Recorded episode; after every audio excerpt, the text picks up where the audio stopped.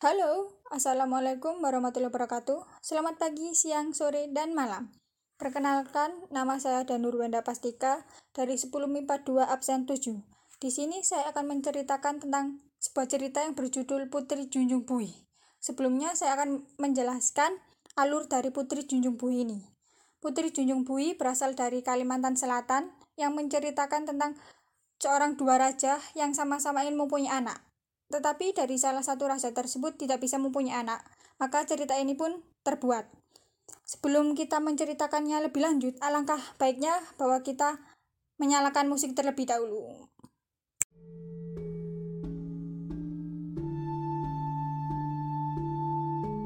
Alkisah di Kalimantan Selatan, berdirilah kerajaan Amuntai. Rakyatnya hidup damai sejahtera di bawah pemerintahan dua pemimpin, Raja Patmaraga dan adiknya Raja Sukmaraga. Kedua raja itu memerintah dengan adil, saling menghargai, serta hidup rukun. Namun, ada satu hal yang mengurangi kebahagiaan mereka, yaitu mereka belum dikaruniai anak. Sang adik, Raja Sukmaraga dan istrinya, sangat mendambakan putra kembar, dan mereka terus-menerus memintanya dalam doa. Akhirnya, Tuhan mengabulkan doa mereka. Raja Sukmaraga sangat bahagia. Setiap malam ia mengelus perut istri, istrinya sambil berkata, Semoga anak di kandunganmu ini putra kembar yang cakap. Setelah mengandung sembilan bulan, lahirlah putra kembar yang tampan. Raja Sumaraka mengumumkan berita bahagia itu pada kakaknya dan seluruh rakyat. Raja Patmaraga juga turut bahagia atas kelahiran keponakannya itu. Namun, dalam hati ia sangat sedih. Ia juga ingin dikaruniai anak. Raja Patmaraga berdoa memohon petunjuk Tuhan. Ia mendapat jawaban lewat mimpi. Dalam mimpinya, Raja Patmaraga diminta untuk bertapa di Candi Agung yang berlokasi di luar kerajaan Amuntai. Esok harinya, Raja Patmaraga berangkat bersama beberapa pengawal dan tetua istana, Datuk Pujung. Di sana, Raja Patmaraga segera bertapa selama beberapa hari.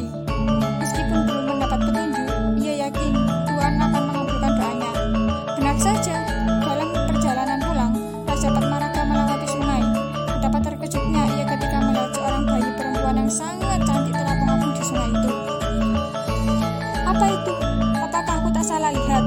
Bagaimana bisa ada bayi di sini? Tanyanya dalam hati. Dengan sangat hati, dengan sangat hati-hati, ia mengangkat bayi itu. Datuk Pujung, bantulah aku menggendong bayi ini. Dengan sigap, Datuk Pujung mengambil bayi itu dari pelukan Raja Patmaraga. Betapa herannya mereka, bayi itu tidak menangis, melainkan berbicara. Mereka ternganga mendengar kata-kata yang terucap dari mulut bayi itu.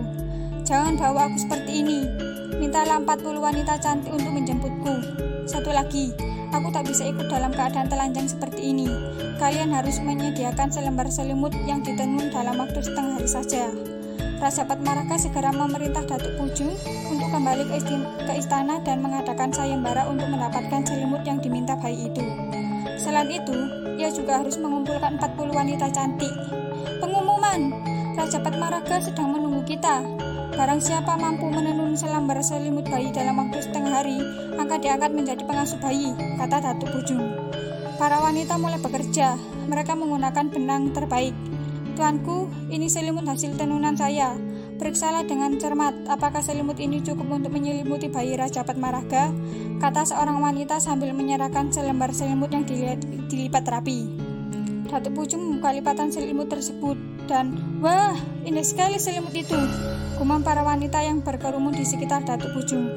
Siapakah namamu? Aku rasa kau pantas menjadi pengasuh bayi Raja Patmaraga, kata Datuk Pucung. Nama saya Ratu Kuripan. Saya akan sangat senang jika Raja Patmaraga berkenan menjadikan saya pengasuh untuk putrinya. Jawab wanita itu. Datuk Pujung, Ratu Kuripun, dan 40 wanita cantik berangkat menjemput Raja Patmaraga. Bayi itu dibungkus dengan selimut buatan Ratu Kuripan. Cantik sekali,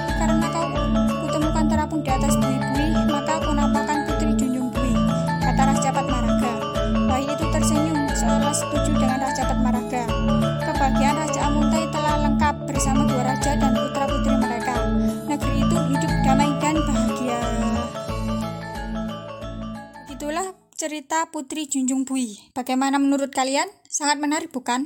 Untuk cerita-cerita lainnya bisa kalian dengarkan di cerita-cerita teman-teman saya. Saya akhiri. Wassalamualaikum warahmatullahi wabarakatuh. Terima kasih. See you.